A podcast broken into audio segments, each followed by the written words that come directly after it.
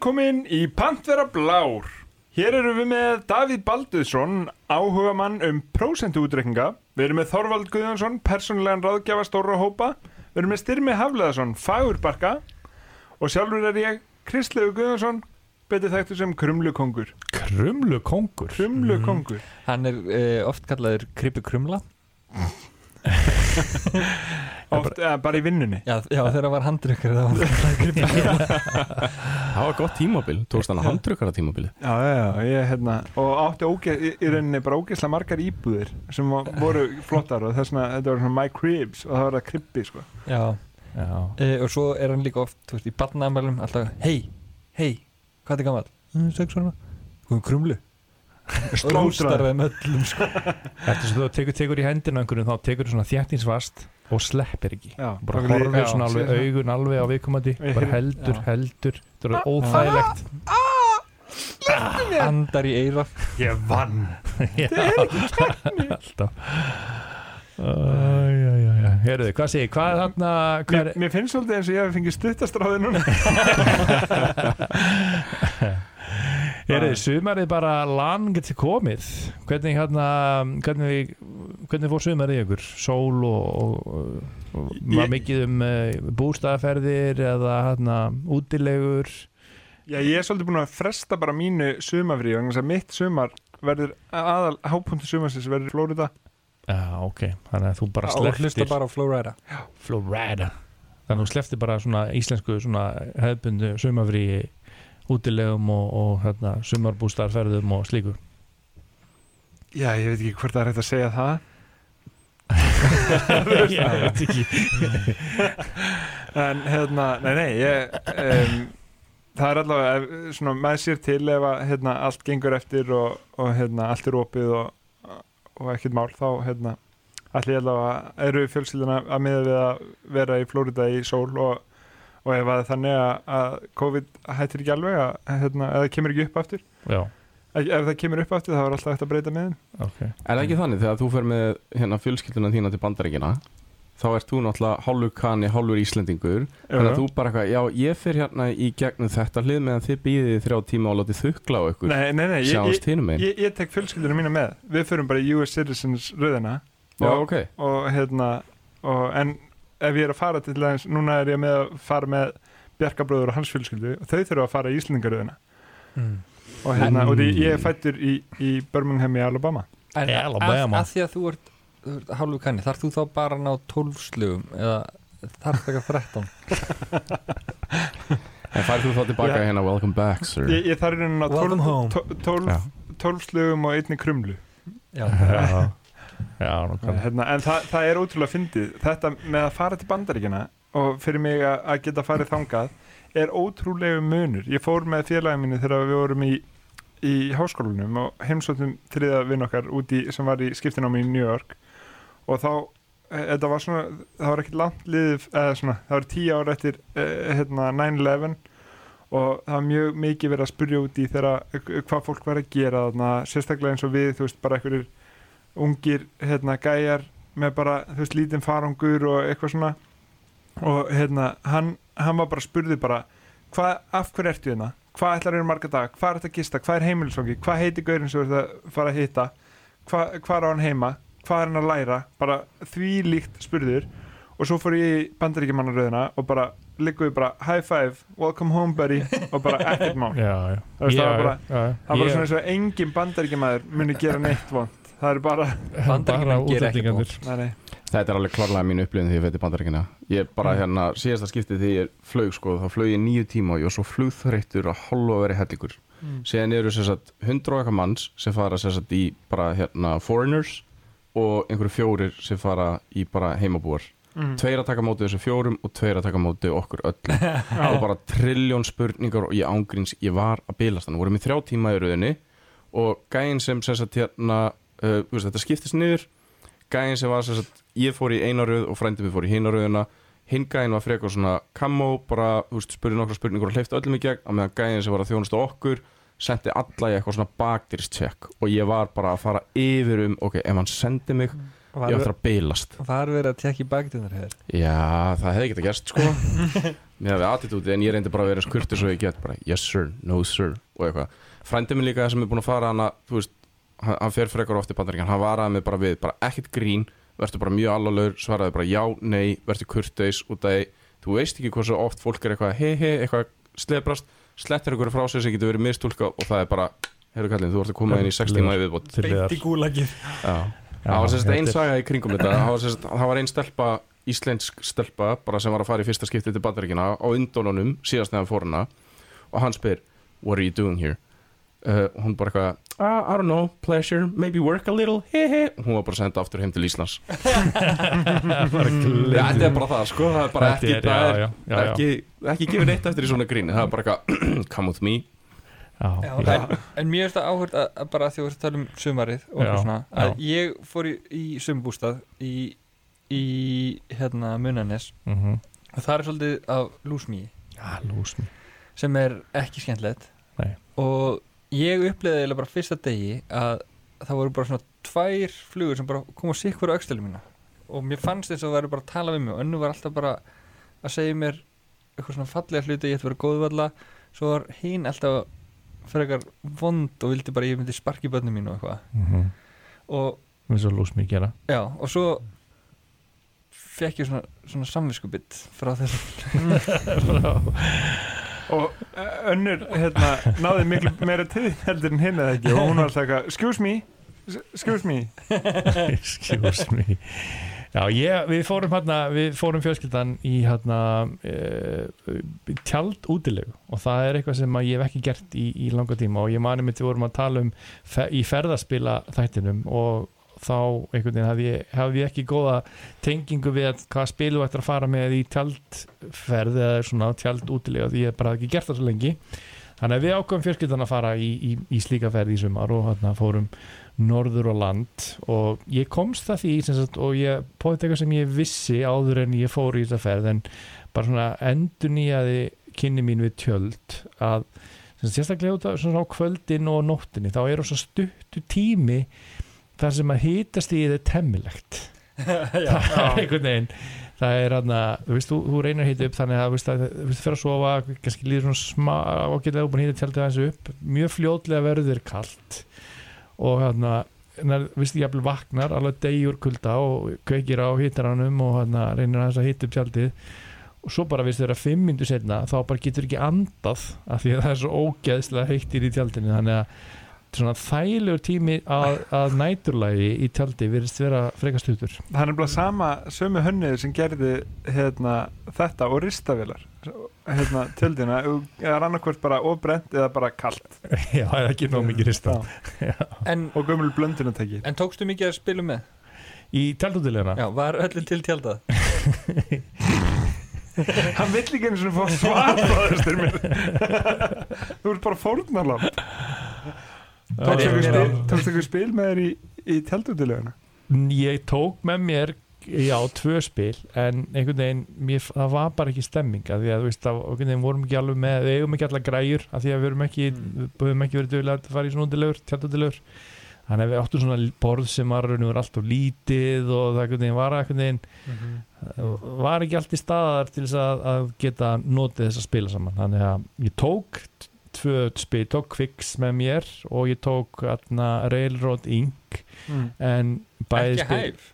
Nei, ég tók ekki með mér hæf En bæði spilin fóru aldrei úr törskunni basically. Það er svolítið sama hjá mér þegar ég fyrir í, í tjaldutilegur það er ekkert sko uh, hérna, er ekki mikið spilað.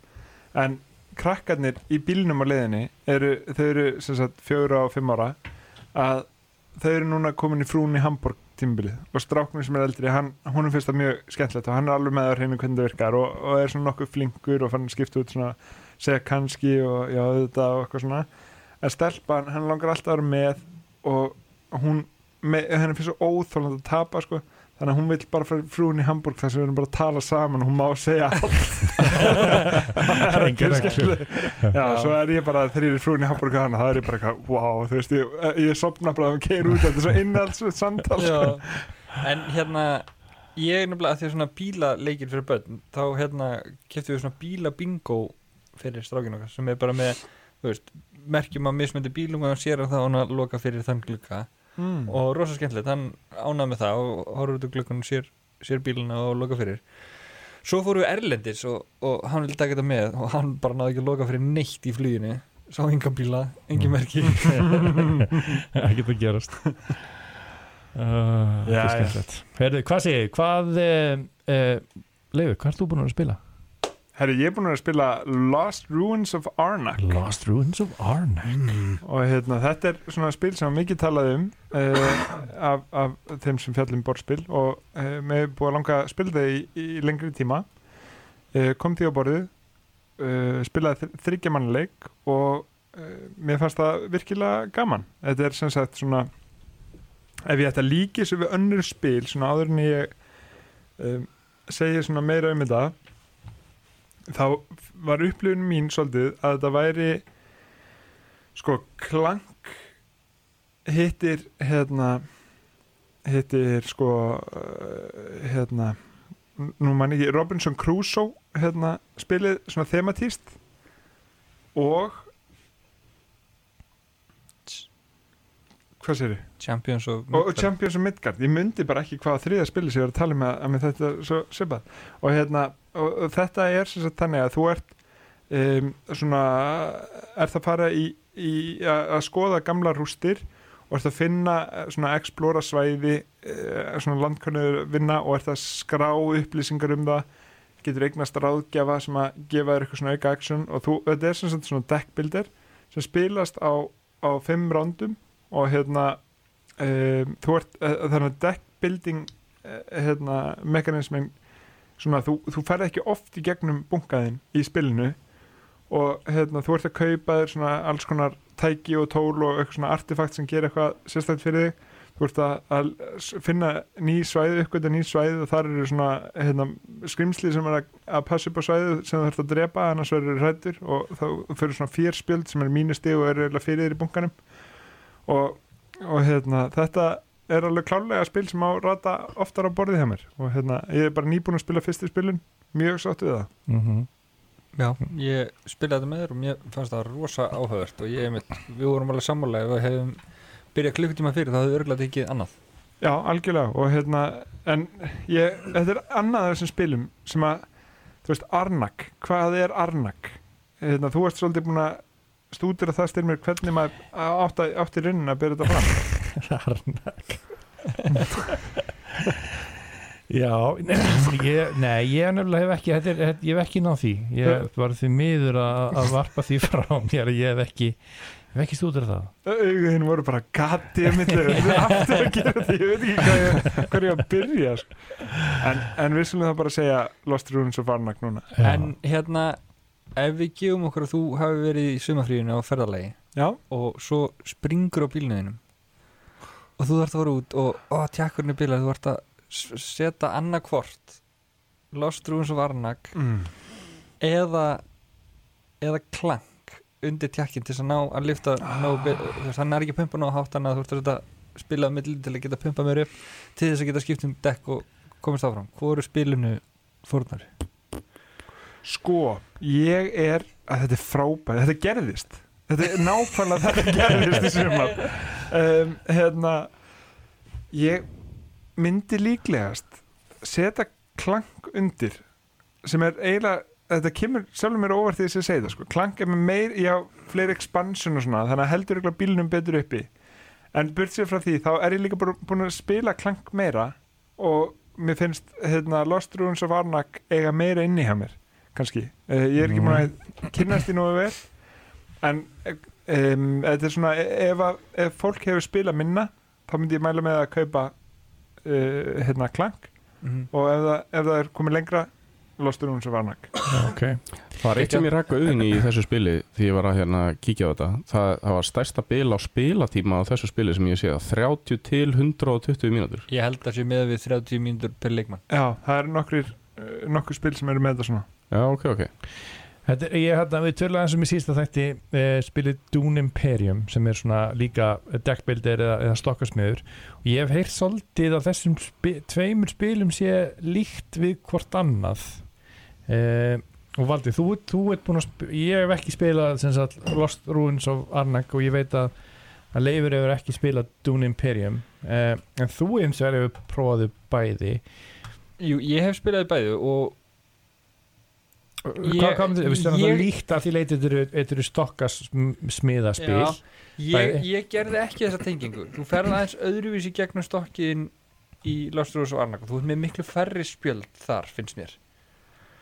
Þannig að mér finnst fókusin meira á spili sjálft. Eða þú veist á, á borðið heldur en á stokkin heldur en er í hinu spilinu en jú, að vissu leiti ég menna þú ert að sapna alls konar resursum sem þú ert að mannja til þess að gera hérna þessu leiti en, en það er ekki eins mikið svona beint confrontation millir leikmanna í þessu spili eins og í Dune Imperium. Já, ok. Þar er alltaf stríð upp á upp á eitthvað, eitthvað reward í hverju rándi Já, já. En í þessu þá ertu bara að berjast við skrýmsli sem er að verja ákveðin svæði. Mm, Ok, ok. Og svo er þetta bara kapplöp upp hérna research track og að vera fyrstur að uppkvötan í svæði og svona. Það myndur segja, Leifur, að það væri sagt, uh, svona margar leiðir til þess að fá stig í þessu spili? Þetta væri svona víst, já, svona point salad oft eins og er, er kallað, víst, það sem að þú Mhm. ert að fengi stig á, á alls konar leiðum Nei, ekki, ekki þannig sko. Þetta er, maður er ekki með eitthvað brjálaðislega mikið stig, maður fyrir alls ekkert stig fyrir allt sem maður er að gera þannig, þannig að ég myndi ekki, ekki flokka þetta sem point salad spil. En við sko En- spil, ég myndi flokka sem point salad spil. Hvað, hvað? point salad. And that's Þetta var góð byggjum Það var svo spennt ég er búin að týra eftir þessu Hvað er svona smá glói við styrmið að vera að byggja upp en að branda var- sko. þetta var seg skil þið þetta svo vel. þetta var segvei sem ég er svo lengi búin að langa að gera. Bara, maður ma, líka við að maður sá sko róuna dillast, ímyndið róuna. En já, ég sem sagt er búin að vera, vera að spila spila undarfæri sem að heitir, heitir því skemmtilega nafni Point Salad. Og uh, þetta er svona, já, þægilega einfalt og stutt spil. Um, ég er búin að vera að spila þetta bara svolítið við konuna mína og við erum búin að vera að spila þetta tvö en þú getur verið þetta er allt upp í sjö leikmenn sem geta að spila þetta spil. Og í, í grunninn er þetta þannig eins og, eins og hérna, heiti spilsins gefið til kynna þá er svona alveg ó, en, na, ekki endurlega, það er ótrúlega margar leiðir sem þú getur farið til þess að fá stig. Og, og, og síðan er bara sá leikmaður sem er með flest stig þegar spilið er búið hann vinnur, eins og er, er algengt í spilum.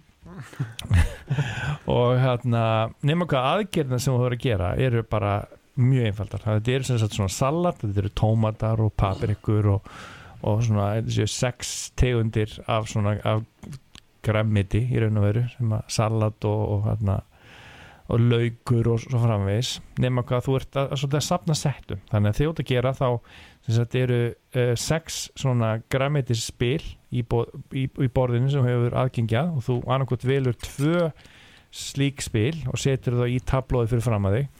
Eða sagt síðan eru þrýr bunkar af spilum sem eru notaði til þess að fylla á raun og veru græmitis spilin þegar þau eru tekin. Nema hvað bakliðin á öllum spilum er sagt stigaspil.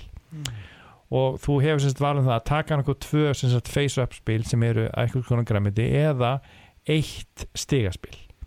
Og stigaspilin er á öllum, öllum tegundum raun og veru það er þú veist, mest af papriku eða mest af lauk eða minnst af lauk eða, eða þú veist, þú farð hérna, tómat, lauk og salat. Sagt hvert svoleiðis kombo er áttastig og síðan Ah. getur þú byggt á því eða með fleiri neitt og farðu bara eh, tvisar eða þrísar sinnum átta fyrir það kombo eða með, eða með þrjá lauka, þrjá tómata og þrjú salut þá sem sagt, margfaldast s- sá stigafjöldi. Er, er þetta, er skemmtilegt að spila þetta spil? Já, ég þetta Þetta var ekki sannfærandi. Já, þetta, er, þetta er skemmtilegur filler myndi ég segja. Þetta er hann að því að eins og þegar ég og, og fríða konum mínum að spila það þá er veist, hvert spil svona ok. Þannig að við klárum, klárum spila á tímíndum Ég bara, ég get ekki hugsað mér bara, ó, geggja salat sem er mest af lauk bara, Rauðleikur er algjört mest í gott salat sko. og, hana, og þetta er mjög skemmtilega að þú þarft að bæði að fylgjast með því að fylgjast með því þú ert að gera, hvað þú ert að reyna að ná hvað þú veist, græmitis tegundum þú ert að reyna að sapna saman með að við sem sagt, þau stiga spil sem þú er búin að ná þér í en það er ekki síður mikilvægt að fylgjast með því hvað sem sagt, anstæðingun er að gera að Mm. þú veist skilur að, að hana, ef hann er að reyna ná mest af lauk fær fyrir það fullt af stegum og hana, kemur laukur og þeir eru bæði með ja, þú kannski hann er með tvo lauka og þú með einn og þá byrjar, byrjar það sem strategíin að koma inn að ok, ég ætla að taka hérna lauk svo hún, hún næri ekki að vera mest í lauk eða eitthvað. Þannig að það er líka pínu að passa upp á það að anstæðingurinn ná ekki einhverjum stigasprengjum og, og líka reyna að ná að satna því sem þú vilt ná er, er það þá stigvaksandi fyrir hvert grammeti sem ert að taka inn? Er þetta ekki þá að búa til eitthvað einfalt salat eða hvað? Það var líka fyrir seríuna sko. Já, alls konar Já, ok, þá þetta, er líka þetta. fyrir mest af eða, eða fyrir, fyrir eða, með, og síðan er, er sumspil þannig að þú fær tvö stig fyrir hvert lauk kannski eitt stig fyrir hvert tómat og svo mínus jafnvel fjögur stig fyrir hvert lauk Mm. þannig að þú veist, það var svolítið að passa þig einmitt að þarna, Þannig að þessi stigaspjöld eða þau að takna kúnan sem að vill eitthvað ákveðna hluti í salati sitt já, mæntanlega og ákvæði þematist og spennandi Já. Heilsusamlegt spil Eh, hérna, en þetta er borlíkinn tækifæri fyrir borðspila kaffihús að bjóða upp á sem rétt svona Já. hvað maður Já. I'll have one point salad please já, Já. já. Og þetta er náttúrulega leikur orðum að því að, veist, að oft er, er spilum líst þannig að þetta sé svolítið point salad mm það er einmitt þarna veist, al, og það venjulega því það er bara alveg saman hvað þú gerir farðu stig fyrir Já, Já. þýðir yfirleitt að Stefan Feld hafi hann að spila er, er, er þetta Stefan Feld spil? Nei Nei, Nei, ok ekki, nei. En hérna, hefur þið spilað Sushi Go? já Er þetta svipað á Sushi Go?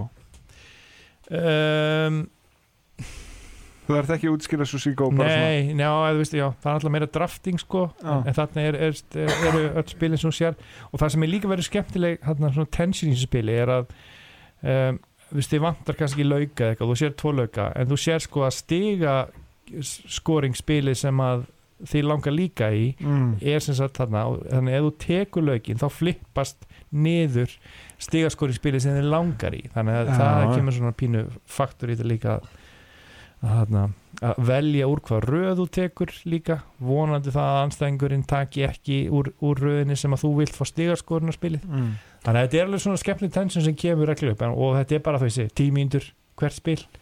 Þú, og, er, þú ert í kvalaskoðunaferð já, og hérna það er vatn að leka inn um bátinn vegna þess að það var einhver sem gerði gata bátinn.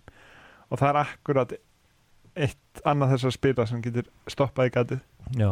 Hvort er það point salad eða, eða sushi go sem hendir og eigðilegur til þess að bjarga kvalaskoðunu fólkinu. Erum við að tala um Sushi Go eða Sushi Go Party?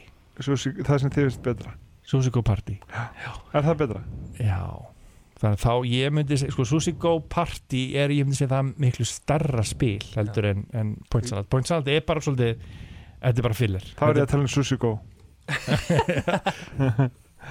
Já.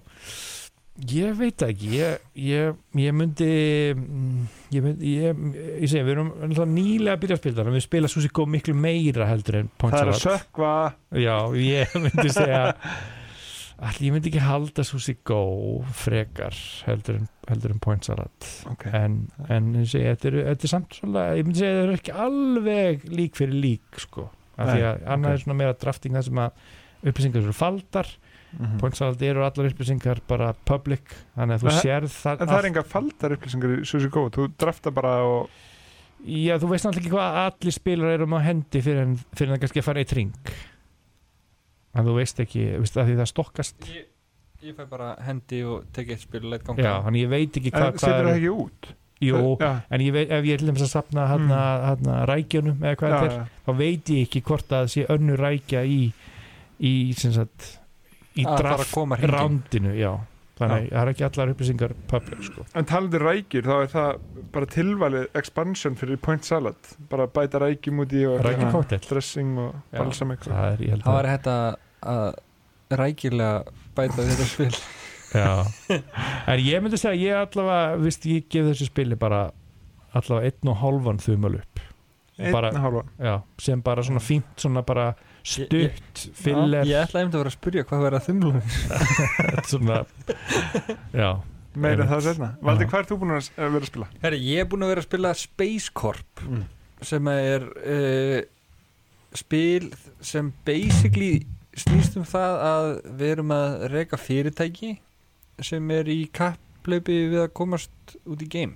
Og í upphæfi erum við að reyna að komast bara lengra út í okkar sólkerfi komast til Mars og, og út fyrir Mars.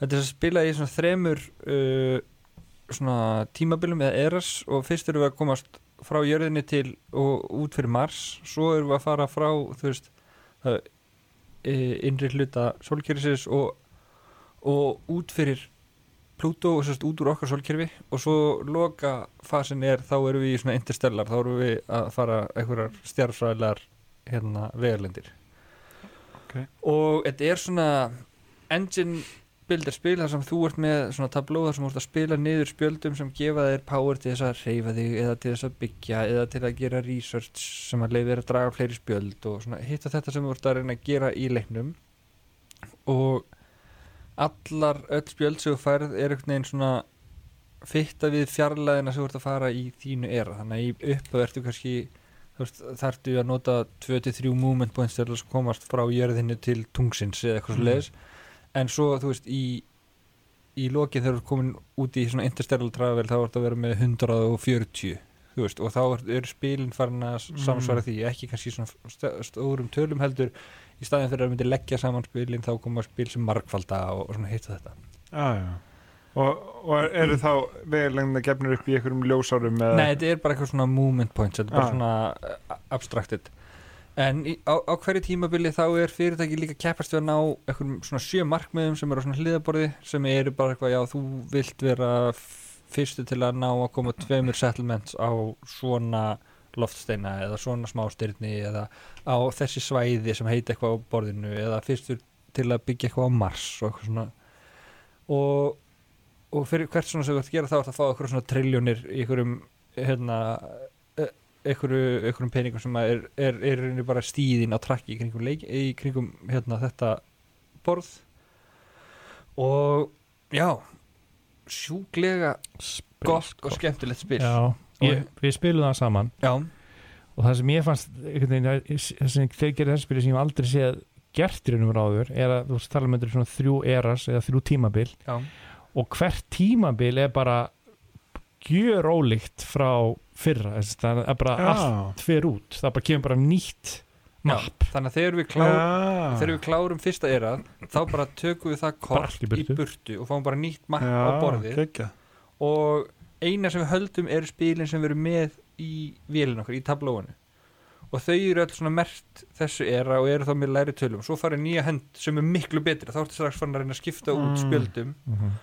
Og svo getur líka alltaf þegar þú ert að taka aksjón þá getur þú spi, spilur spjaldi út sem ég ætla að fljúa spila hérna spjaldi sem er fjóra í move.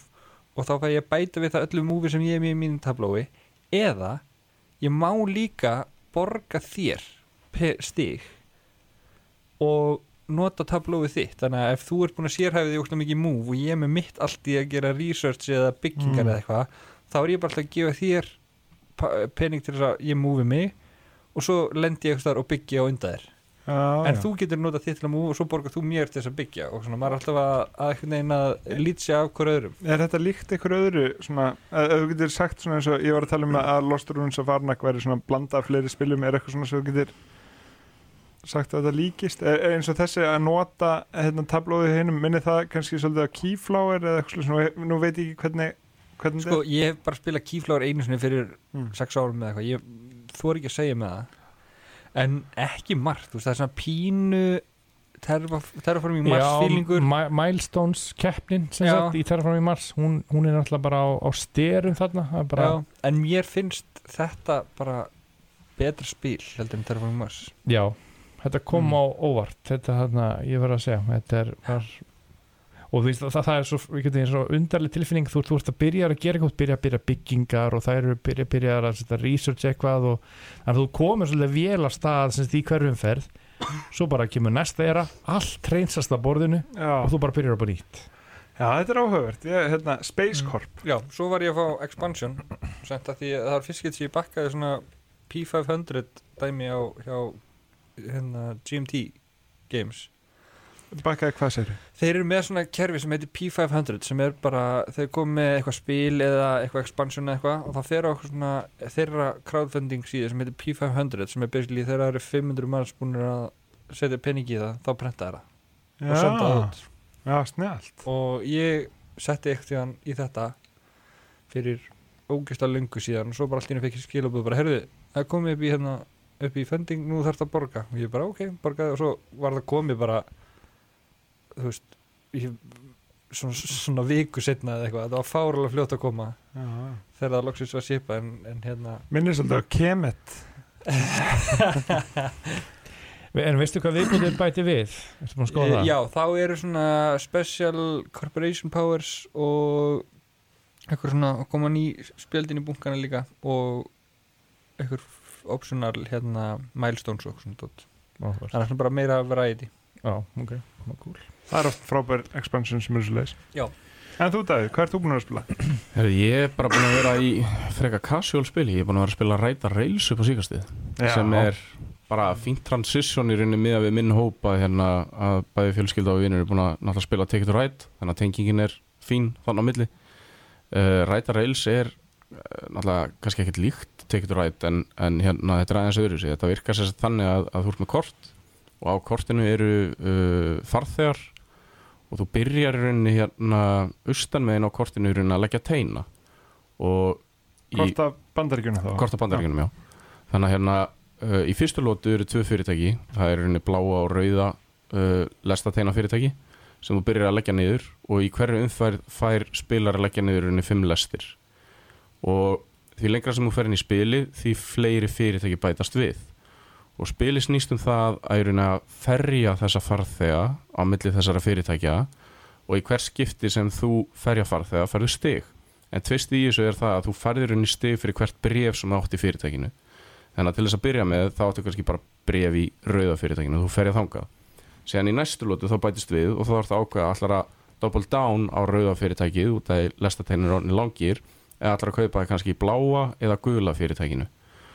Og þú færð smá bónustig fyrir að leggja í ákveðna reyti á þessu spili sem gefur svona smá incentive að fara að gera eitthvað annað. En síðan hérna þarftu líka að ákveða sko, ok, hvaða fyrirtæki ætla ég að taka núna með það sem aðrir er að leggja. Út af því þú færð stig þegar aðrir ferja farþega í gegnum þína teina. Þannig að það er svona í rauninni general scoring sem er rauninni hversu langt þú ferð og síðan er scoring fyrir hvert fyrirtæki sem þú átt í en í hver skiptin sem þú skora fyrir það þá skora hinni líka sem gerir þetta spil ótrúlega skemmtilegt sko. uh, svona fyrir mitt leiti veist, að ég, ég fer alltaf á BGG og sé bara svona veist, hvað engun eru þessi spil að fá. Uh, mér finnst þetta svona alltaf downgraded engun á BGG svona miða við að þetta er casual spil þetta er kannski ekki besta spil í heimi en þetta er drullu gott spil miða við. Og, og þannig að ég yppræða svo því þá eins og fyrir okkur þegar við fórum í spilabústæðinu og vorum búin að vera að spila nokkuð þungspil þá var þetta geggja svona bara svona rétt í lokin hérna meðan við erum að sulla yfir síðasta bjórnum þú veist, taka 2-3 stykki það tekur svona hálftíma, 40 mínútur max. Uh, tildulega heilalaust og ótrúlega gott Nei, alls ekki heilalust Ég En myndi þú ekki segja það. ég myndi ekki segja kannski heilalaust en, en þú ert alltaf svona á pondera skilur hvað er hinn að gera? Það er, þetta er ekki flóki spil Nei, alls ekki. Alls ekki flóki sko en þetta er kannski ekki heilalaust. Það, þú þarft alveg að hugsa í þessu spili Ég myndi veist, segja upp á að vinna sko ég, Já, ég er alveg á því að þú þarft að pæli hvað það gera en þú ert kannski ekki með 300 ákvörðunar að taka í hverju törni það er svolítið bara, herði, ég get keitt hérna fjórum fyrirtækjum og hvað ætla ég að taka mm og svo, Og svo hveti hinna til að nota grænulestinnar Já. já, og svo er líka verður græn. kunstin sko í hvernig þú leggur þú veist, að þú leggir þannig að þú veist að svo sem er eftir á líka í línunni sem þú ert í og hann verði að leggja þar til þess að geta þú veist klára það sem hann þarf að gera. Já, ég, ég er enda sammála því, ok, ég ætla að draga þetta tilbaka. Því ég segi heilalust þá er ég að meina að þetta er til dæla einfalt spil, ekki með mörgum aksjónum og það er mjög öðvöld fyrir hvert sem er að fara hann inn. Þannig að þetta er einfalt spil, það er kannski rétt Þetta er orð. ekki þú Já. Já. En eins og Valdi var að segja, sko, það, það sem þetta verður flóki eins og fyrir okkur þegar við vorum að spila þetta er að hérna, þú dregur farþegana í burtu, þú veist það bara hverfa þér. Þannig að farþega fjöldin fyrir alltaf minkandi þannig að ferja farþega í gegnum skilur langa leiðir það er fórnarkostnaði við það. Þú farð væntalega mörg stig fyrir þetta aksjón en að sama skapið þá er þetta kannski að gefa einhverjum öðrum hellingastigum til viðbúktar þar verður þetta svona aðeins meira komplex sko. þú vilt náttúrulega reyna að fara bara, þú veist, taka farþegan í gegnum þær lestarleiðir sem þú einn átt mm sem sagt svona shares í en það eru nú verið bara um, aðrinar umferðir og aðrir farnir að kaupa í þinni leið. Þú þert og þú, þú veist, þú þyrst að fara löngulegðina þá þartu eiginlega að fara í gegnum leiðir hjá einhverjum öðrum. Þannig að óhjákvæmilega ertu farin að gefa öðrum stig en, en strategin kemur að reyna að finna leiðina sem þú þart að fara án þess að gefa öðrum reyna- gefa öðrum leikmönum fáspil og þú kemst upp með Mhm. og helst jafnvel dreifa þeim. Þannig að þú veist ekki gefa þú veist, ég myndi ekki fara einhver leið og valdi maður að fá fullt af spilum fyrir ekki myndi ég fara smáleið hjá Davíð smáleið hjá Leif og, og svo þú veist reyna þess að dreifa stíðunum á aðra. Og reyna að nota ekki leiðir sem að einhver á meira af í heldur en þú, þú veist, þannig að- já, að einhver annars ekki fá fleiri stig fyrir þetta heldur en þú að já, nákvæmlega. Já, þetta er mjög gott spil sko. Síðan er alltaf að passa sig að vera ekki leiður á leiðunum sínum. Það er líka eitthvað sem þarf að hafa í huga. Þannig að ekki að vera að fara alltaf sömu leiðir. Er þetta ekki fyrsti pappa bara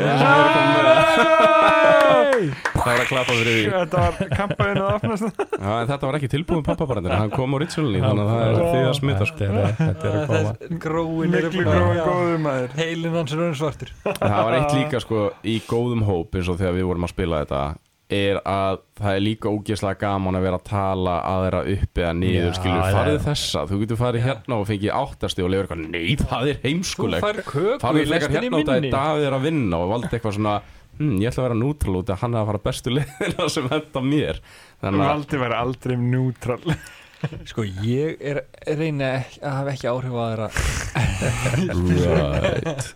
Þegar, ég minnir að ég með í þeirri ferð og, og við tókum ekkert mann líka eftir að koma tilbaka ég held að þú er bara alltaf unnið þetta spil þegar ég spilaði við þig. Já, ég er smá rætar eils kongur sko. Þú er bara svolítið bara með þetta spil. Ég og expansion map fyrir þetta sem við erum ekki búin að pröfa Já, það já, Sér er annars spil líka sem er langar svo rosalega mikið að prófa. Það er hann Iris Gate sem þú vorst að tala um að er í rauninni partur af þessari séri já mjög gott. Þetta er Iron Rails serían. Svo er að koma Iberian Gates. Er það ekki Eh, eh, komið? það er komið út en það er ekki komið hingað held ég. Og allt náttúrulega teiknað af Ian Túl sem gerir spil falleiri mm Já, Þannig að já, bara mjög skemmtilegt. Ég bara mæli klárlega með þessu. Er skemmtilegt við það artwork að það er allt teiknað með svona sérstöku hérna, verkfæri sem að kallað, þetta er eitthvað svona held að það sé frá í- já. Japan eða eitthvað sluðis þetta heitir alltaf Jano og hérna er kallað bara svona Jano-túl Já, nú Túl já.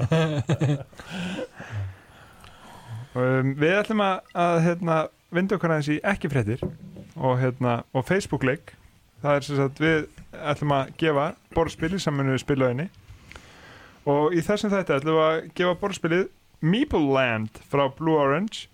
Og til þess að vinna þennan leik þá ætlum við að byggja ykkur um að posta bestu myndinni af ykkur í borðspilatengdum aðstæðum inn á Facebook síðu Pantvara Blár.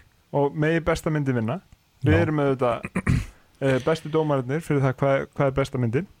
Já þetta verður náttúrulega í gangi í viku frá útgáðu þáttarins. Já, um, þannig að þið hérna, fylgist bara vel með.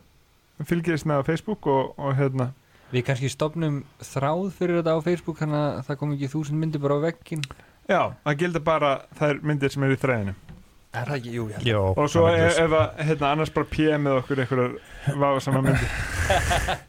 Já, það er alltaf gaman líka að sé, við, við, við reynda að vera svolítið duglega að taka myndir af þeim spilum sem við verið að spila og, og setja á inn á samfélagsmiðla. Þannig að það er bara geggja gaman að, að fá aðeins insinn inn í, inn í það hvað hlustundur er að spila og hvað þið það núti all eru að spila og, og í hvernig spila aðstæðum þið eruð og hvað spil þið eru að spila þannig að ég er bara algjörlega. spenntur, spenntur að sjá hvað þarna og svo finnst, okkur, svo finnst okkur líka alltaf gaman að fá e-mail. Bara, þú veist, senda okkur e-mail á old school pantverblár e-mail.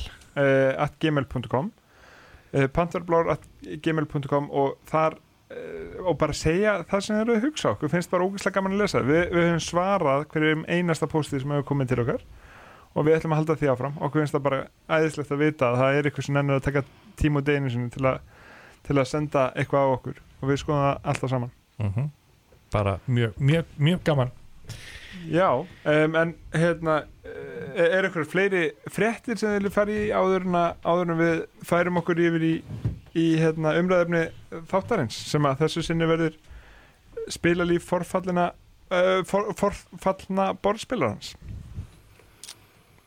mm, Er eitthvað nýtt Monopoly að koma? Sko ég er alltaf að býða eftir að koma frá ykkur eitthvað svona nýtt kickstarter eitthvað skemmtilega heit sko. Ég þarf eitthvað aðeins að fara að koma inn í þann heim Mér finnst pínulegilegt að þið eru alltaf að unboxa einhverju nýjum spilum og þannig að já, Þú veist, og varst nú að segja að, já, að Ank gæti mögulega að vera á leiðinni og það Já, gæti búið að mögulega vera lent sko. nú þegar allt kannski og en, eh, en það er náttúrulega erfitt að tala um, um Kickstarter sérstaklega að þú veist að þetta er svona við erum að reyna að halda þættinum tíma lausum Já. þannig að það er svolítið hvaða Kickstarter svona tiltekinn projekt er í gangi hvena við erum búin að fá eitthvað verður alltaf svolítið svolítið mætti sko. það er alltaf bara nokkuð safe að segja að Kemet sé ekki komið. Já, ég ætla hann að þarf að fara að læna ykkur upp út af því sko, þú veist, ég er að býða núna í eitt og hálft ára eftir Mass Effect Darkness 2 uh, ég verð að koma ykkur í gang núna bara til þess að, þú veist, fá eitthvað hann í millitíðinni, þannig að Já, það er að nóg að taka. Við- Já, En hérna, við ætlum að fara aðeins yfir eh, svona spilalíf forfallna borðspilaran sem er í rauninni uh, það að við erum núna uh, mislandleitir í þessari borðspilafíkn sem að hérna, fólk segir að við séum haldnir. Trúum ekki sjálfur en við erum ekki, við erum ekki byrjar að jafna okkur allavega. Nei, og hérna, en við höfum ekki alltaf verið svona. Nei. þannig að hérna, einu sinni voru eðlir einu sinni voru eðleir og áttum eðlilegt magna spilum. Núna hefur við flestir óeðlilegt magna spilum og ekki er að minka það er þetta fínt fyrir mig að hafa eitthvað sem stöðul út af því þið eru geðveikir þegar það kemur á borðspilum og ég er svona semi-junkie að verða. Já, þannig að alltaf þegar ég spurði djöfull áttu mikið að spilum? Eitthvað ákvæmt að eða svona miklu í þetta sem ég fæ frá sim þá bendi ég bara alltaf á ykkur og segja að ég sé mjög heilbriður það er bara, það er alltaf fyrir hvern einasta hver einasta mannesku er alltaf ykkur einn sem er verið, það er bara ein mannesku sem getur ekki bent á hvern annan. Já, og við veitum ekki hver það er. Nei, nei, nei. en, en hérna en sko fyrir mitt leiti eh, ég, ég spilaði mikið svona þegar ég var yngri eitthvað, hérna, ég hef alltaf haft gaman að spilum. Bæði bara, hérna, 52 spil og, og ég var í hérna, Warhammer og eitthvað svona sem að ég lærði af, hérna, Valda sem er eldri bróður og, og hérna Magic the Gathering og eitthvað svona ég byrjaði að snemma í því. Þannig að ég var komið með svona hérna spila grunn snemma og, og hérna spilaði veist, Hero Quest og eitthvað svona þegar það var vinsælt. Um, og svo kom svona ákveðin lægð sem að kemur eh, svolítið með tilkomu þegar eh, svona ég byrjaði að spila Counter-Strike meira þegar ég var orðin svona unglingur komin í, hérna gagfræði skóla og eitthvað svona. Og hérna þá tóku töluleikir svolítið yfir myndi ég segja svona fram í mentaskólan eða svona fram að mentaskóla allavega og svo byrjuði borðspil að koma aftur inn og þá, þá var svona í vinahópnum svona fyrsta skipti svona fórum við að hittast eitthvað og spila spil og það er veist, en, en þau voru öll léttar en það sem við erum svona ofta að tala um hér Mhm. uh, og hérna og kannski ekki mikið sem að er sama að sama að taka og svo myndi ég segja að mómentið mómentið þar sem ég hugsaði já, ég ætla að sapna borðspilum. Það var eiginlega þegar um, ég ég bjó Erlendis í Nóri og hérna og þetta er 2012 ætla, eitthvað slis þegar hérna Dominion kemur og er nýtt og ég spilaði Dominion í fyrst skiptið. Og ég bara man að ég hugsaði wow, þetta er svo geggjað. Akkur gerir maður þetta ekki bara alltaf og Dominion var klárlega spilið sem ítti mér í þessar söfnunar áráttu, það svo bara um leiðið að koma nýtt, vissi að það var komið nýtt expansion, það fekk mér expansioni Mhm. og já, en þá þú veist, ég veit ekki sjö expansion eða eitthvað fyrir Dominion og með Dominion er ennþá frábært spil en fyrir utan þessi sjö Dominion expansion þá er ég með kannski 200 aðra titla sem eru búin að bætast í samni líka sem hafa ekki farið tilbaka Mhm. þannig að hérna að, að, það, það er svolítið merkilegt spáið að hvernig maður fer frá því að, að hugsa, já ég ætla að kaupa mér hérna eitt Dominion og þú veist, einmitt að eiga svo bara vegg af, af borðspilum sko. ég er þetta að vera að viðkjanna í fyrsta skiptir sem ég sá spila saman þitt inn í Svefnubergi þá brá mér sko. Þetta, þetta virkaði meira sem veiki fyrir mér heldur en eitthvað heilbrygt þannig að hérna, en núna þegar ég er komin í pottin líka sko þá er þetta bara fullkomlega já. þannig að en þetta er örgulega alltaf áhugavert að, sjá sko, veist, hve- hvernig fólk transitionar yfir í rauninni þennan spilastíl sem við erum komin í núna. Þar sem þú ert að spila mörg þungspil og ert að spila kannski, veist, ég reyndar er ennþá að teka kannski einu tvisvar í viku. En ef ég hefði meiri tíma þá var ég klárlega að taka svona þris og fjóru sinum uh, þetta er kannski það það sem svona háið mér í þessu er að, að ég er ekki með alveg nógu góðan stóran hóp í kringum mig sem er að spila jafn mikið. Ég hugsaði að fleiri í kringum mig var að spila meira þá væri ég líka að spila meira og það ég dúsa alltaf mikið með ykkur og síðan bara með fjölskyldunni Mhm. sem sagt hérna bróðu minnum og sýstu minni sem eru farin að spila þáttið mikið líka bara í gegnum mig sko. en þau eru ekkert að hugsa um að fara að kaupa sér sjálf strax þannig að þau kíkja yfirleitt bara yfir til mín en þetta er alltaf svipa sko, eins og þú varst að segja ég mitt hérna var í Warhammer líka en ég var ekkert að spila það, það var eiginlega bara til að mála mm. Uh, ég spilaði samt Magic the Gathering alveg heilmikið því ég bjó úti. Uh, og síðan sko transitionum mitt er eiginlega úr tölvuleikjum. Þú veist, þetta er svona að einhverju leiti sambarlegt en samt ekki. Uh, sko eins og fyrir mína parta ég finna að þú veist, þú hendur mig strax út í Caverna eða Great Western Trail sem er svona tilflóða þungt Já, ég, ég, og, og kannski við, við náttúrulega þekkjumst frá því við vorum í grunnskóla mm og, og ég vissi alveg að, að hérna, þú hefði spilað fullt af töluleikjum og það er alveg klárt mála ef maður hefur vit og hefur spilað töluleiki sérstaklega svona eins og Starcraft þar svo ert að stjórna og managea alls konar hlutum í, í hérna, töluleikjum að, að þá ertu fljótur að grípa mekanisman á bakvið uh, borðspilin Mhm. og ég man einmitt að, að fyrstu tvö spilin held ég sem ég dróð því voru einmitt Great Western Trail og Caverna. -hmm. og, og svo kom og ég man bara eftir fyrsta, fyrsta skipti sem ég var spila bara wow, þetta var geggja maður, ég ætla að kaupa þetta spil. Og svo síndi ég Caverna og þú bara wow, þetta var geggja maður. Ég ætla að kaupa þetta spil.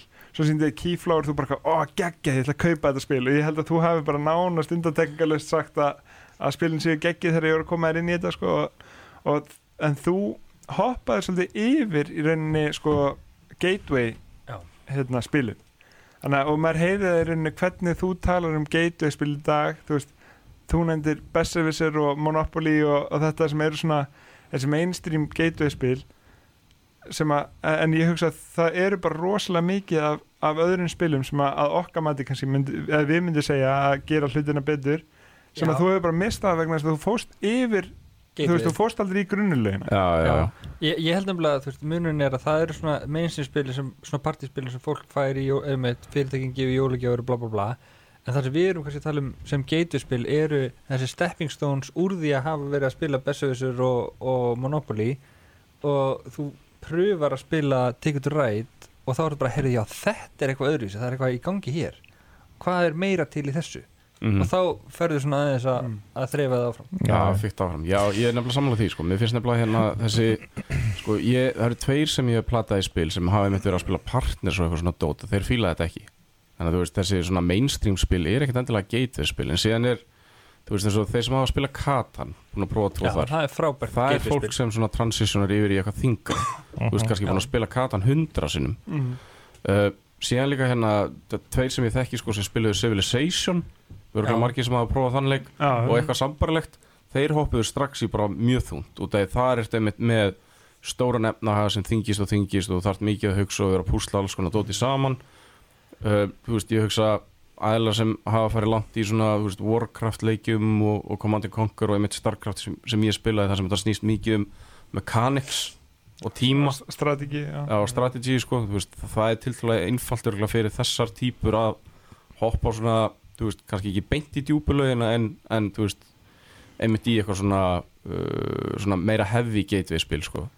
þannig að Já, og, og ég meina spil eins og Great Western Trail almennt er ek- ekki talið sem gateway spil sko, þannig að það, það, það er mjög óvenjulegt raun og veru að þú fer frá Alias eða Monopoly yfir í Great Western Trail og sleppir eins og, eins og leiður var að tala um þessu svona millibilsspil eða svona milliskrefspilum sem að sem að kannski venjulega hefði verið mælt með að þú hefði það farið myndi sko. með eitthvað sens að þú væri búin að spila Dominion og kynna þér að vera hvernig þeir með deckbildir og, og eitthvað svona fleiri þættir sem að eru kannski allir koma saman í þessu þú veist, og ég held að hætt hættan einmitt ástæðan fyrir því að ég, held að margir sem sagt, fara ekki þá leið sem að þú fóst, Davíð er að bara, þú veist, og það kannski bara, ég veit ekki hvort það sé rétti eða ekki en þú veist, en maður heldur ofta að það verður bara of overwhelming, að þetta verður bara, þú veist að, að þú, að bara að, að, að ef að fyrsta upplifunin verður bara, þetta er ógeðslega flóki, ógeðslega erfitt, ég skil ekkit hvað að gerast og það kemur aldrei þetta ljósabyrju moment að þá ertu náttúrulega bara búin að missa viðkomandi og hann er aldrei að fara að spila við aftur. Nei. nákvæmlega. Já, ég get alveg trúa því sko. Ég mitt hérna það, það var sko, ég prófaði að gateway að Great Western Trail á sýsti mína sem hefur engan töluleikja bakgrunn og engan spila bakgrunn þannig. Ég held að það sem sko út af hún spila mjög mikið með mér í dag ég held að það sem hefur hjálpa henni að transitiona svona þungt úr þessu yfir í bara veist, allt og ekkert er að við spilum bara tvö saman. Og þá var þetta meira svona við að hanga. Ef hann hefði verið spilað, skilur þú veist fjórði spilarinn með okkur þá hefði þetta örgulega verið öðruvísu upplifun út af hún hefði bara verið tínd allan tíma Drífðu núbiðinn Já. en síðan er þetta líka sko fyrir fólk sem eru ofugsa hlutina og, og vill besta bara í fyrsta spilu og er ekki þólimátt og bara svona gefur þessu smá tíma það er ekki gott heldur sko. Nei. En svo er líka, svo fyndi við þetta einmitt þegar maður er svona að byrja ég man alveg mó- mómentinu þar sem að, maður svona eitthvað spilaði eitthvað spil, bara eitthvað, á já, geggjað maður ég, hérna, ég ætla að kaupa með spil. Og svo ferðu svona að, að leita þér að spilum online. Þú fer að skoða topplistan á Board Game Geek sem að allir gera á einhverjum tímapunkti sem að fara í þetta áhugamál og, og ég hugsa, sko, leikil moment var þegar maður býr sér til Board Game Geek aðgang og byrjar að setja inn safnið sitt, haldi utan um safnið sitt þar. Mhm. það er algjört svona hérna, moment og, og ég vil að skoða svona review og spilum og svona horfa á topplista hjá einhverjum aðlum og svona sjá myndaði skoðan og hvað er fyrir þig sko. Þú ert náttúrulega ótrúlega duglegur að halda þetta þitt safn á BGG Ég er ekki eins duglegur, þú veist Ég er ennþá með inni eitthvað spil sem ég seldi fyrir mánuði, skilur og er ekki búin að að því ég nenni ekki að fara á laga minn og breyti þessu, þú veist. Ég skoða það ekki eins oft og það er kannski ekki eins körrent safnið mitt eins og, eins og er bara, En- það, það er að fyrsta sem ég gera ég kaupið að selspil, Já, beintina ég- byggi og ég- breyti og það ef ég gera ekki strax þá er ég bara tindur þá veit ég ekkert hvað ég á. En ég man afsakið, ég man eftir nokkrum svona punktum fyrir mig í þessu dæmi. Ég man þegar ég var að spila Katan í fyrsta skiptin og það var svona spilið sem að var uh, svona opnaði hurðina fyrir mér. Já, og þá var ég bara, þá var ég í mentaskóla eða eitthvað og ég man að þú veist, ég var að fara þú veist, upp í Mósóti vinna míns að spila bara, þú veist, þrjú kvöld í viku fyrsta, fyrsta skipti sem ég var að spila þetta var bara, þetta var leikurinn sko. Mm og, en það var ekkert strax að ég fór síðan eitthvað að leita eitthvað meira uppi heldur þú veist, spilum við síðan bara expansion fyrir þetta og spilum þetta svolítið mikið og svo var það bara miklu setna, eða bara kannski 2-3 ár sem líða og svo einhvern veginn, ég man ekki svona hvernig það gerist en ég var alveg komin í spilavinni þar sem þið voru, þú veist, á langkvöldsveginum í litlu búðinni, já, á, á svona opið spilakvöld og var að spila eitthvað og ég pröfaði að spila Cosmic Encounter já, já. og þegar ég var og þú er samt haldið áfram að spila eftir að prófa það og þá var ég bara eitthvað þetta verð ég að eiga wow. Og ég, það var svona þú veist, mest það og ég á ógeðslega mikið að viðbótum í því held ég allan með eina eða eitthvað mjög, þú veist, en það er mjög langt sinni ég spila það en mér, þú veist, Já. væntu það já, mér þykir mjög vænt um það spil og ég á örgulega aldrei eftir að selja það nei, nei. og Þa, það er bæði vei svona eitt af toppspilinu sem hafa valdið mér mestu Ætli það sé ekki gott umræðefni veginn í- í framtíðinni. Já, en svo er hitt, hitt svona spili sem að ég þú veist, sem að ég man eftir að hafa keift mér og spilað alveg til dauða og náð í öll expansion og hlis, þá smálvöld Já, svo losaður við það og nú er ég komin í þá grifið aftur. Já, ég sé eftir að hafa losum við það. En, en, en ég, það er einn mælstór sem mér finnst líka langa að bæta við að því að leiðu var að tala um að setja safnið sitt inn og eitthvað svona og skoða review. Eh, mér fannst eitt svona punktur í þessu verða þegar ég fór að horfa á alls konar bara spila media, bara hlusta podcast eða horfa á YouTube myndbönd bæði review og bara how to play myndbönd og alls konar svona uppgöta allt sem að getur lært um borðspil í gegnum svona þessa miðla.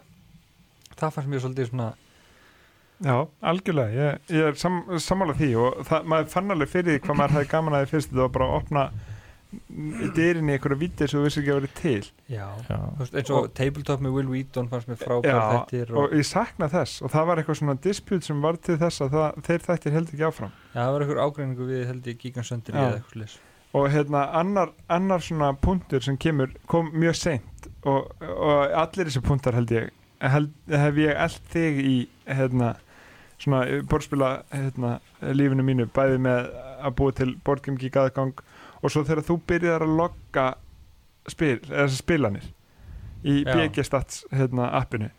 Og ég man þegar þú sagði, sagði mér frá því þú er komið með app sem að logga því allt sem ert búin að spila. Og bara eitthvað segja, ég get bara séð hérna við erum að spila þetta spil, ég þessi, þessi, þessi þessi vand og svona mikið stegum og ég bara, ertu hálfviti valdi? Það mun engin heilvita maður gera þetta. Viku setna, prófið þetta í fyrst skipti hef valla mest úr spilum sko, síðan 2017 Þetta er, þetta er sko, þetta er minnst áhörum að því að, þú veist, Íslendingar almennt séð eru duglir að spila. Þannig að þú veist, þú ferð bara í fjölskyldubóð og, og þú veist, það er eiginlega saman við þú talar, þú veist, frænda, frængu Mhm. þú veist, það er Íslendingar almennt séð held ég séu bara að meðaltali duglegir að spila. Já, þannig að, þú veist þú veist, í, gömlum jólalögum kert og spil og allt þetta sko. þannig Já. að þetta er alveg bara, held ég, gegnum tíðina menningun okkar he- hefur verið duglega að spila. En, en það er áverð að, að skoða hvað triggerar þessa breytingu þú veist, frá hinnum almenna Íslanding sem er að spila, þú veist um jólinn og þú veist svona Spila kanónist já, upp í sumabústaði þú veist, það er svona bara endrum og eins að spila sem ég held að eins, og ég heyr ykkur ekki tala um varurinn við raunin og það er sama Já. hjá mér, þú veist, ég spilaði katan og spila bara annarslag í katan við duttum aðeins í Ticket to Ride en samt sem að var þetta bara svona endrum og eins þetta var um, var um jólin, þetta var kannski annarslagið í fjörskildubóðum en þú veist, það var engin brjálega trigger að fara eitthvað, þú veist, lúki, nú þarf ég að skoða hvað meira er til, þú veist, ég er svolítið bara sáttur í þessum heimi sem ég er sem ég er að spila. Mhm. Já, ég hlakka til að spila katan aftur. Já, katan aftur eða bara ok, við hittumst þarna næstum jólin þarna og við höfum ekki taka tekið þú rætt, jú ok, high five, bye. Já, og hérna, en síðan er eitthvað trigger sko og hérna sem, sem kannski sem að við höfum upplifað Já, skilur og, mín tilfelli þá held að veri Lords of Waterdeep sem Já, að er já. minn trigger sko frá því þessum svona þessum casual sem sagt borðspilaspilunum yfir í bara sem að kveikir eitthvað neista sem að segja ok, byrju, þetta er bara veist, frábær upplifun, minnst það geggja skemmtilegt er eitthvað meira til heldur en sem ég hef séð og Mm. prófað Mhm. Og þá einhvern veginn byrjar þessi svona, þessi svona að, að skoða og rannsaka og leita að upplýsingum og byrja að skoða review. Og ég held að það hafi verið svolítið triggerinu mér og það er náttúrulega bara endað í þremur ferðartöskum á heimleið frá bandaríkjunum. Já, nákvæmlega, Þa, það er frábært að hérna svo, svo er annað í þessu. Þú veist, eiginlega öllum kring eh, eh, hérna eh, öllu þessu ferli hjá mér þar sem ég fer frá því að vera bara venjulegur gæi í að vera borðspilagæin að þá hef ég svolítið verið að elta valda og alltaf hugsað valdi, ertu klikkaður, þú veist, akkur áttu svona mörg spil, akkur áttu að kaupa svona mörg spil? Valdi, ertu klikkaður, ertu farin að lokka valdi, ertu klikkaður, ertu búin að búið Hvað er Og- að og- ég valdi? og hérna og svo þegar hann byrjaði að slífa spilin sín, ég held að hann var hann galinn sko. Nú er hann og a- farin já, sko. allt þetta er ég búin að hugsa þessu bara klikka, ég ger þetta allt Veistu, Lífa miklu meir en ég núna. Ég, ég slífa miklu meira en þú, ég fann að 3D prenta þú veist, og bara það, þetta er svona, maður er að normalisera þessa hegðun sem maður er flokkað áður sem klikkun. Já, já. þannig að það sé ekki ennþá klikkun fyrir flestum. En auðvitað er þetta bara Já, veist, þetta já. er náttúrulega bara þetta er eitthvað sem okkur finnst skemmtilegt að gera og hérna, þú veist og að kynna okkur og, og svo leis og svo, veist, minnst líka áhugaveru punktur í þessu, veist, og hérna var ekkert um spurning sem kom inn á borðspilarspjallið skilgrinu sjálfa því sem sapnara mm -hmm. eða sem spilara var, munum við að spurningina við eitthvað á, á þá leið allavega. Já, og veist, horfur á sjálfa þig sem borðspila sapnara eða, eða bara borðspila spilara Eða- og eða bæði. Já, Eða kannski já. og þú veist, ég held að ég veist, mögulega í stærsta sapnið hérna í hópnum. Mhm. En þú veist, þegar ég sá þessu spurningu þá var bara ég horf ekki sjálf með sem borðspila sapnara eða, þú Nei. veist, í mínum huga var ég ekki að sapna spilum ekki heldur uh, þó ég eigi rosalega mörg spil það var ekki markmið mitt það, það, það var ekki hugmyndafræðin sem að, ég, veist, ég er að vinna með eða veist, þegar ég er að kaupa spil er ekki að því mér langar að eiga þetta spil að því ég ætla bara að geima það upp í Já. hillu Mm. að því ég ætla bara að sapna því Ég, ég er sammálaður í því En ég fyndi, ég var að hugsa um þetta. Ég ætla að skjóta sinn þegar þú gafst rétt á undan. Að ég held að maður getur verið bæði safnari og, og spilari. Og ég held að Algjörlega. ég, ég sé klárlega hvort tvekja en ég held að það sem gerir það safnara er þegar þú átt kannski fleiri en tíu spil sem þú hefur ekki spilað já, það ég held að bara þetta skilgir þetta alls konar við. en, en, en þú ert ekki endilega að sapna þessum spilum vegna þess að þú veist Nei, en, sa- en þú átt safn. Já, þú, þú átt sapn, ég meina maður er að sapna öllu mögulegu en, en þú veist, þú, þú ert að kaupa þetta ekki út af því langar að geða þetta að hafa þetta í pillu og eiga þetta, þeir, þú ert að kaupa þetta vegna þess að langar, langar að að spila þetta. En þú ert að kaupa meira en þú getur spilað líka. Þú veist, en, en þú, það er bara þetta að þú ert með þessu hugmyndafræði hausnum að þú getur örgla, alveg örgla komið þessu borðið. Já, Já. að þú ert ekki að kaupa þetta til að safna Nei. þú ert eiginlega óvart safnari. Þú ert svona ég Já, þetta er ég- smá horting sko. Já ég, ég er til ég að segja maður þessi hérna borðspila hortir frekar en að vera s- safnari. En, en ég, ég hugsa maður, það er einhvern svona punktur þegar þú átt ákveðið mörg spil sem þú ert ekki búin að koma á borðið að jafna því, þú veist. Það er ekki að tala um að þú ert að vera með sama spilið í ár eða eitthvað, Mm. en ef það er meir en ár þar sem þú hefur átt tíu pluss spil sem að þú átt óspiluð, það þarf ekki að vera sömu spilin allan tíman Er það? Ég meina, ertu að safna eh, og við erum allir að losa okkur það sem okkur finnst ekki gaman. Eh, ég, ég, ég veit ekki, mér er frímerkja safnara sem myndir bara eitthvað, herri, ég ætla að losa með þetta frímerki, mér finnst það ekki fallegt. Eða þú veist, það, þeir bara um leiðir ættu frímerkin sem er að leita að þá er þeir ekki að endilega losa við, ég veit ekki. Nei, nei, Nei, nei, ég er ekki að segja að losa þig við spilin. Ég er að segja að þú átt alltaf tíu eða fleiri ég, spil en, en ég er að tala um að við, við erum ekki að safna, það er ekki alltaf að stækka safnið endilega. Nei, en þú átt alltaf meira en þú ert að spila. Já, Það er að segja. Og þá er ekki að tala um Þú veist, þá er þetta um tíu, níu spilin sem þú ert ekki að koma á borðið Plus, þú veist, hjá mér eru þau núna eitthvað 11 sem ég á sem ég á óspiluð Þau eru örgulega fleiri hjá þér til mér já, já, já, já. en, og ég, og, en þú veist það sem ég er að pæla í þú veist að þó ég sé að selja eitthvað spil og kaupa eitthvað spil þá á, á ég alltaf tíu spil óspiluð í það er svo safninu mínu. gott að eiga svona kvataböffer með. Þannig, að- þannig að þú veist ég er alltaf að segja mér ok, ég ætla ekki að kaupa með fleiri spil fyrir ég komið niður í svona mikið á óspiluðum spilum til að reyna að réttlega geðvíkina mína. Já. og hérna þannig að tíu er þinn, þinn hérna, svona, Sko- so, þín sásökumörk þannig um jó, ég er nefnilega ákvað núna þú veist, um áramótin bara nú ætla ég aðeins að taka mig saman í andlutin í þessu. Og þá var ég með 25 spil óspilið, nú er ég komin í 11 og það er ekki þannig að ég sé búin að spila allir þessi spil, heldur er ég líka búin að selja bara spil sem ég er búin að eiga í 2-3 ár mm. að samna ríkjum í hillu sem ég er ekki að spila og ég er ekki Ja. að koma á borðið ég keipti það, þú veist, á útsölu eða notaði eitthvað á hókislega góðum díl því að þetta, ég verða að kaupa það ég tapa, ég kaupi ekki Svo þetta geggjaðu dýl sko. Já, og svo, svo fer þetta aldrei á borðið þá bara ég, ég get alveg selt þetta og þú veist, þá fór á borðspilamarkanum eða sölusíðinni eða eitthvað sliðis en svo er fólk líka mismundi vegna þess að þú ert miklu líklari til dæmis uh, en ég til að prófa fleiri spil og kaupa alls konar og eitthvað svona. Þú, þú gefur fleiri spilum sjens en ég. Ég er miklu ég, lo, ég lokaðri en þú. Íhald saman já, Mhm. og bara þú veist, ég er miklu frekar veist, ég, mér líður stundum eins og ég sé að bremsa þig af á okkur svona þú ert eitthvað svona turbohlaup og ég bara hvað er býttu aðeins, prófum, tökum eitt Ég- spil tvisvar. Getum við tekið þetta tvisar Já, og, og það mér upplifinu mín er sko bara í 90% skiptunum bara, að þetta er geggja, við erum að spila þetta fljótt aftur. En fyrst 90 önnur spil sem ég með þetta bara, og maður er eitthvað, wait a minute þannig að hérna, ég, mér- líður ofta eins og ég sé bara eitthvað svona grinch þegar það kemur hvað við að spila. Og ég, mér sem, að, eitthvað sem við höfum spilað áður og okkur langar að taka aftur já, hvað með þetta nýja spilin þar sem að þú eru aldrei spilað já, já, Ég held að ok. sko, við áttum eins og bara umræði bara í morgun Já. þegar við vorum að, að að við ætlum að hittast þrý að spila Já. Og, hana, og ég, ég og, og Valdi vorum að tala símanum bara já, ég er bara opinn fyrir bara hverju sem er og, hana, og við vorum að prófa þetta spil. Já, já, ég veit að leifur langar að spila eitthvað sem við spila áður. Og svo mæti ég. Þá var bara spil sem við maður spila áður. Nei, nei, nei, nei aldrei það var mjög skemmtilegt. Já, mér fín En ert þú aldrei, ert þú að réttlæta það að þú ert að bjóða í spilina Já, ég ætla að bjóða í þetta spil svo ég geti farið að kaupa meira spil. Já, Nei, já, já. e- ekki svo mikið.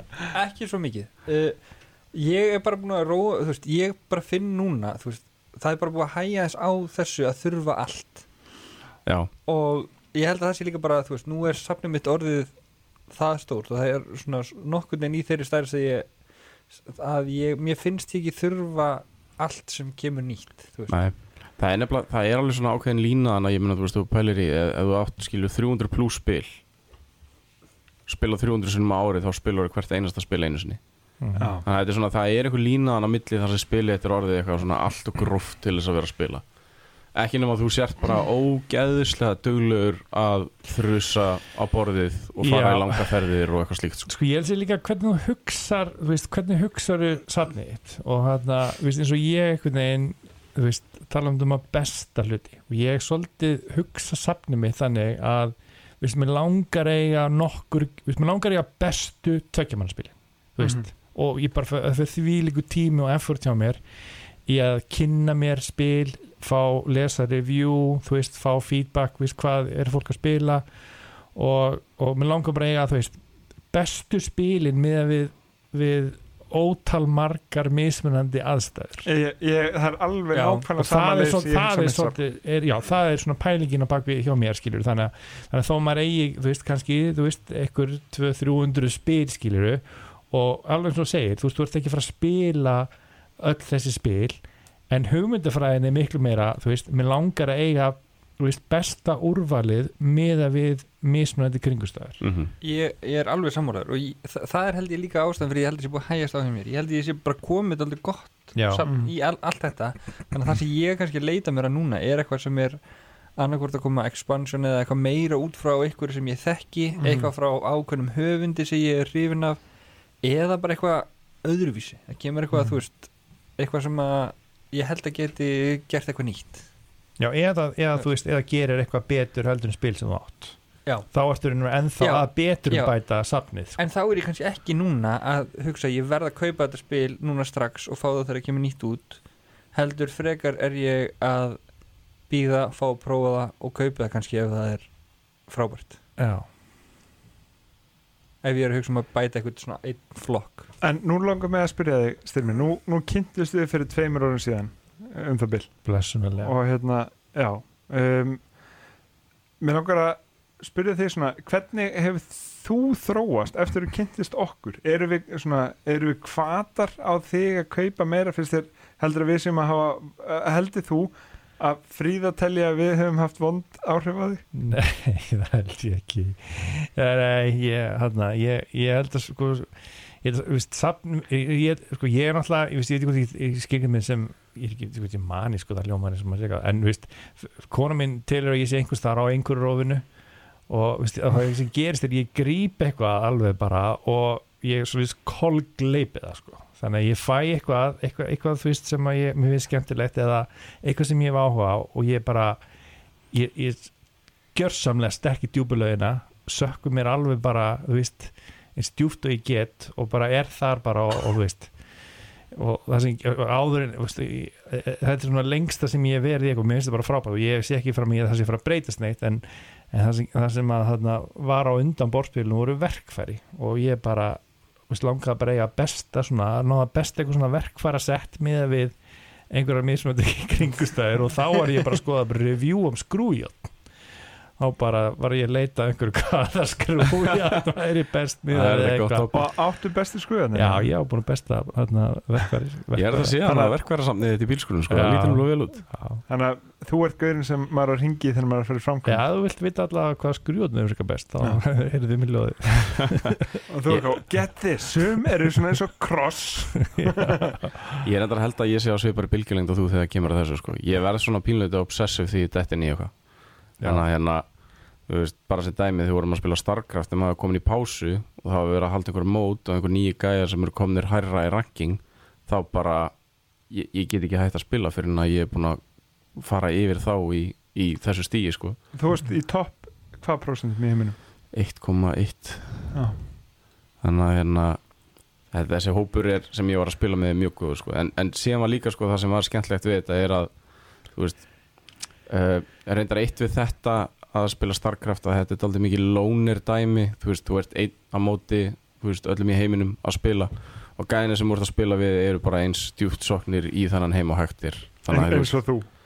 Já, ég samt var alveg svona temmilegur í þessu sko, mér fannst ég hafa besta ég er manískur, ég sekk mér Nei, alla. sko, ég er nefnilega var komin upp í vegg. Ah. þannig að hérna uh, var komin upp í hæsta rank. Sem sagt það er hérna það eru átján mismöndur rank í Starcraft og ég var sagt í næst hæsta rankinu. Og til þess að komast upp í hæsta rankið þá þarftu þetta bara að dömpa rosalega miklu tíma í eina leik. Þá ertu komin í topp 100 í Evrópu topp 100 í Bandaríkjunum Asíu og svo kolli kolli.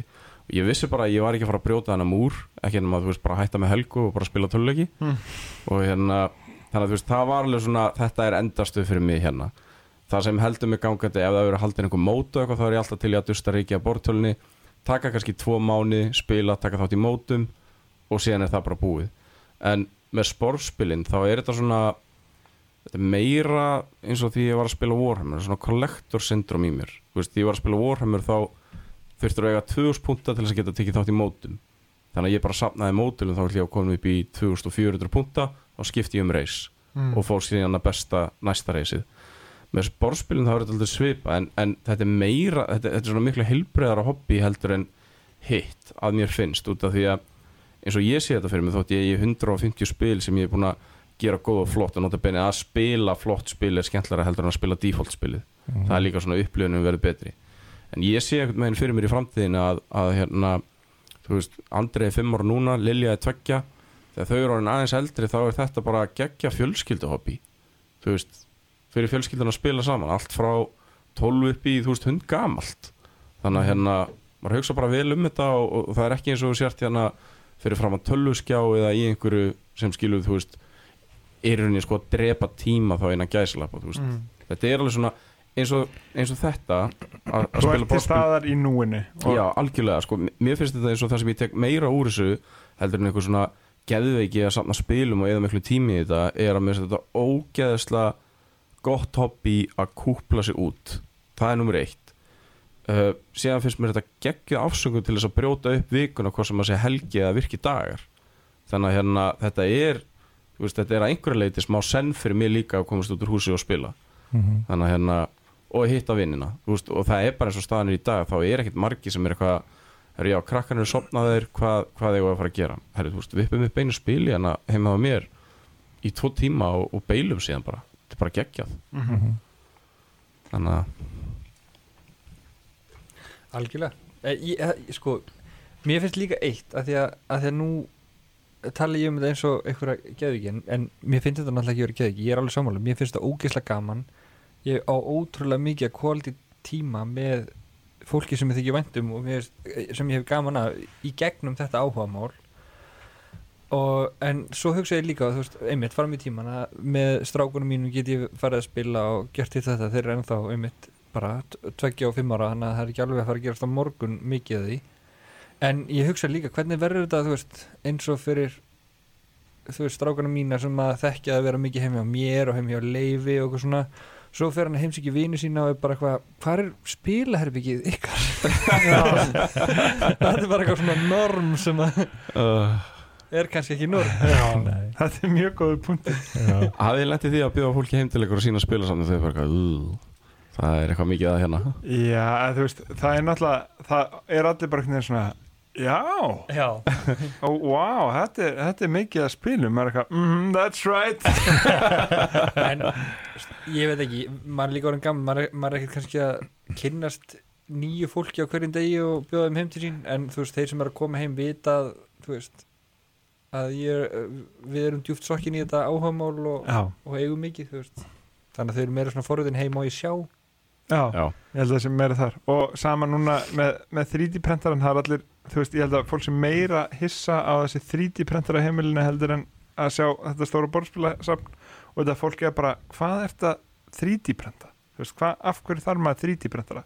Og það er ekkert gott svarið, þú veist, maður þarf ekkert af þessu sem maður er 3D prenta, það er bara, maður getur gert allt. Já. Já, samt þetta er, þetta er eins og skilu veist, þetta er svo mikið ræktun fyrir, fyrir borðspilin skilu, veist, það er gaman að pimpa upp spilin og það er gaman skilu veist, eins og hérna, þú ert að búa til insert eða eitthvað fyrir, þú veist, þetta einfaldar það að pakka saman og ganga frá uh, þetta gerir spilið aðeins skemmtilega þú ert komin með eitthvað svona smá auka gadgets og eitthvað og náttúrulega fyrir sko, ég hugsaði 3D prentara þannig að, að ég var alveg komið með hauga drastlið sem ég ætlaði að kaupa fyrir þessi fáu spil sem ég á. Það var bara komið upp í 400 doll- dollara eða eitthvað, þetta var bara eitthvað algjör vittlisa en það veist, 3D prentara fyrir mér er bara value for money, þetta er bara money saving sko, ef þú ætlar að fara þessa leið að pimpa upp spilin sko. 3D prentar er ímislegt, hann er ekki money saving. Því að, hann ge gefur ótrúlega margt og, og þú getur gert rosalega mikið cool. En þú veist, það, þetta er náttúrulega ekki þú ert ekki að gera þetta sem spartnaðlið þú ert að gera þetta ef þú hefur áhuga á þú veist, að sjá þetta prenta þú veist, þetta, það kostar náttúrulega efni þetta kostar kannski fjögur skall kíló eða eitthvað. Og, og hérna og þetta tekur náttúrulega langa tíma. Þú ert að fylgjast með þessu svolítið sérstaklega þegar þú ert að kynnast prentaranum og fyrstu svona troubleshooting dótið þá ertu bara akkur virkar þetta ekki bara? Og svo svona er þetta að kynast þessu lagastýplur og hitta þetta, þetta svona bara auka inn í þetta sko en, en og ef, ef- ef þið finnst það óþólandi og pyrrandi og nennir ekki að- kynna þér hvernig þetta virkar, þá er náttúrulega 3D prentar ekki fyrir, fyrir neitt en, sem er svo leiðis, en, en ef að ef þið finnst gaman að bara brasa í þessu þá er þetta ógislega gaman. Og svo bara þetta eru loksins búin að fá þetta til að virka og er á þú veist print og svo bara kemur ykkur bara ykkur hlutur sem þú bara baðist prentalegin að búa til handa þér þá er maður bara ok maður geggjað ég til í þetta. Mm. Veist, þetta er svona þetta er svo mikið þetta er svo mikið svona endorfínin að sjá eitthvað bara verða til. Já. Þetta er geggjað. Og ég meina eins og hérna, ég, ég nefndi hérna Feast for Odin hérna prentið sem var bara 100 100 tímar eða eitthvað ég á eftir að prenta síðustu tvo fæluna. En, en hérna þú veist, þetta er náttúrulega ógislega langur tími sem fer ég að búa þetta til kíló af plasti eða eitthvað þetta var ekkert rosalega praktísk hönnun á þessu hérna, eða svona efnislega ekkert rosalega praktísk hönnun til að koma spili og ný tveim, tveim, úr tveimur kössum í einn og, og til spara ná. setupi tímíndir eða eitthvað. En þú ert aldrei að fara að losa þig fyrst fór ótið núna? Aldrei, aldrei. Já. Þetta er gegja sko. En ég held að þetta sé bara góður náttúrulegur endir á, á þessu podcasti. Við þökkum þið fyrir að hlusta á hvað tíma dags sem það megi vera, kæri hlustandi. Um, hérna, styrmir, er eitthvað svona sérstakt sem þú vilt segja við áhrifnir í lokin? Eins og hvernig, hérna, við töluðum um Arnak. já, Hérna, hvað, þú ert að staðans að kynna hvernig maður átt að bera það fram. já, sem sagt á, á, á uppröðlega tungumálinu Mm Er, er er það ekki með skrolli? Arnak, Kom. þetta, þetta verður mín loka orði í, í, í dag takk fyrir. takk, Takk fyrir fyrir okkur Þú sagðir í dag, yeah!